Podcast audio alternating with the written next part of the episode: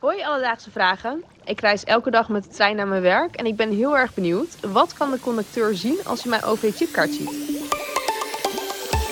Alledaagse Vragen. NPO Luister.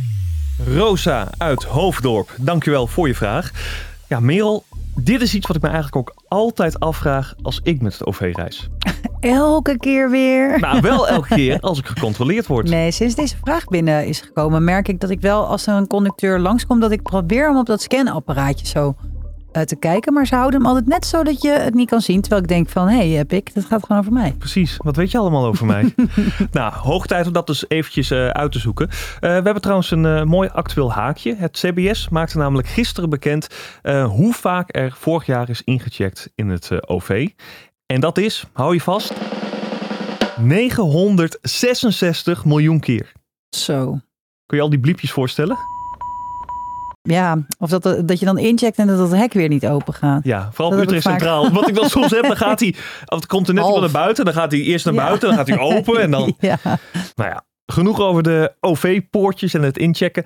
Terug naar de vraag van Rosa. Want ja, wat kan een conducteur dan zien als die op je OV-chipkaart kijkt? En conducteur Turstan Saricio, die geeft daar een antwoord op. Nou ja, op de kaart kunnen we zien dus eh, of je bent eh, ingecheckt eh, of uitgecheckt. Natuurlijk de hoofdreden. Wat voor klassekaartje je hebt. Heb je een tweede klaskaart of een eerste klaskaart. Verder kunnen we abonnementsvorms zien. Als we verder swipen, zeg maar, voor meer informatie als dat ons gevraagd wordt, kunnen we bij je achternaam komen. Bij je voorletter. Je geboortedatum staat erbij. Je saldo, niet te vergeten. En de laatste tien ritten die je hebt eh, gemaakt met, eh, als je hebt in- en uitge- uitgecheckt. Als ik dat zo hoor, vind ik dat nog best wel veel gegevens die ze allemaal tot hun beschikking krijgen. Ja, maar dit is neem ik aan je OV-chipkaart die gebonden is aan je naam met je foto erop, toch? Ja, Ja, nee, ja. maar ik heb ook wel zo'n andere gehad. Ja. Weten we daarvan wat daarop staat? Ja, wat jij bedoelt trouwens is de anonieme OV-chipkaart. En wat je daarop ziet is grotendeels hetzelfde. Ehm, alleen dus geen persoonsgegevens. En je kan er bijvoorbeeld geen abonnement opzetten. Dus die gegevens die zie je ook niet. Ja, dus wel gewoon je bedrag en je laatste ritten. Ja, maar eh, ja, wat ik al zei, ik vond het best wel veel eigenlijk wat ze konden zien. En zoals je weet, ik ben eh, behoorlijk privacy bewust. Dus toen ik van Turstan hoorde wat ze allemaal in konden zien, moest ik ook al meteen vragen, kunnen ze dit op een later moment ook nog terugzien? Of zijn die gegevens weg zodra je je kaart weghaalt? Nee, als op het moment dat de kaart scan, dan, dan zie ik de gegevens. En die kaart moet echt tegen het apparaat houden. Want eh, als hij daarna weer een volgende kaartje heeft, dan, dan kan ik al niet meer bij die eh, data komen. Nou, dat scheelt toch? Ja, het is wel waar wat hij zegt. Hij moet er echt tegenaan. Soms staat hij echt... God, dat ding er tegenaan. En dan pakt hij hem niet. Wat dat betreft was het knippertje toch sneller. Jee, dat herinner ik me niet eens Ja, meer. het kaartknippertje. Alledaagse vragen. Merel, misschien herinner je je nog, nu we het toch over eh, oude... Ja, nu we toch over oude tijden hebben. Eh, maar in 2016 was er iemand in Nederland die een OV-chipkaart in zijn hand had gezet. Ik weet het niet meer, maar misschien heb ik het ook gewoon bewust geblokt. Nou ja, ehm, even voor jou dan. Eh, het was de Utrechter Tom van Oudenaarde. Ehm hij heeft meerdere chips in zijn hand. Ook een soort van betaalpas heeft hij. En, Net te gek. Die nou. Utrechters.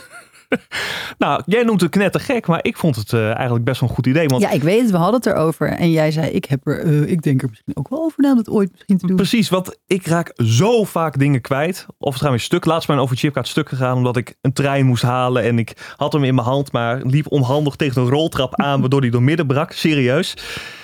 Ik dacht, ja. Kan ook. Tuurlijk, ga door, ja.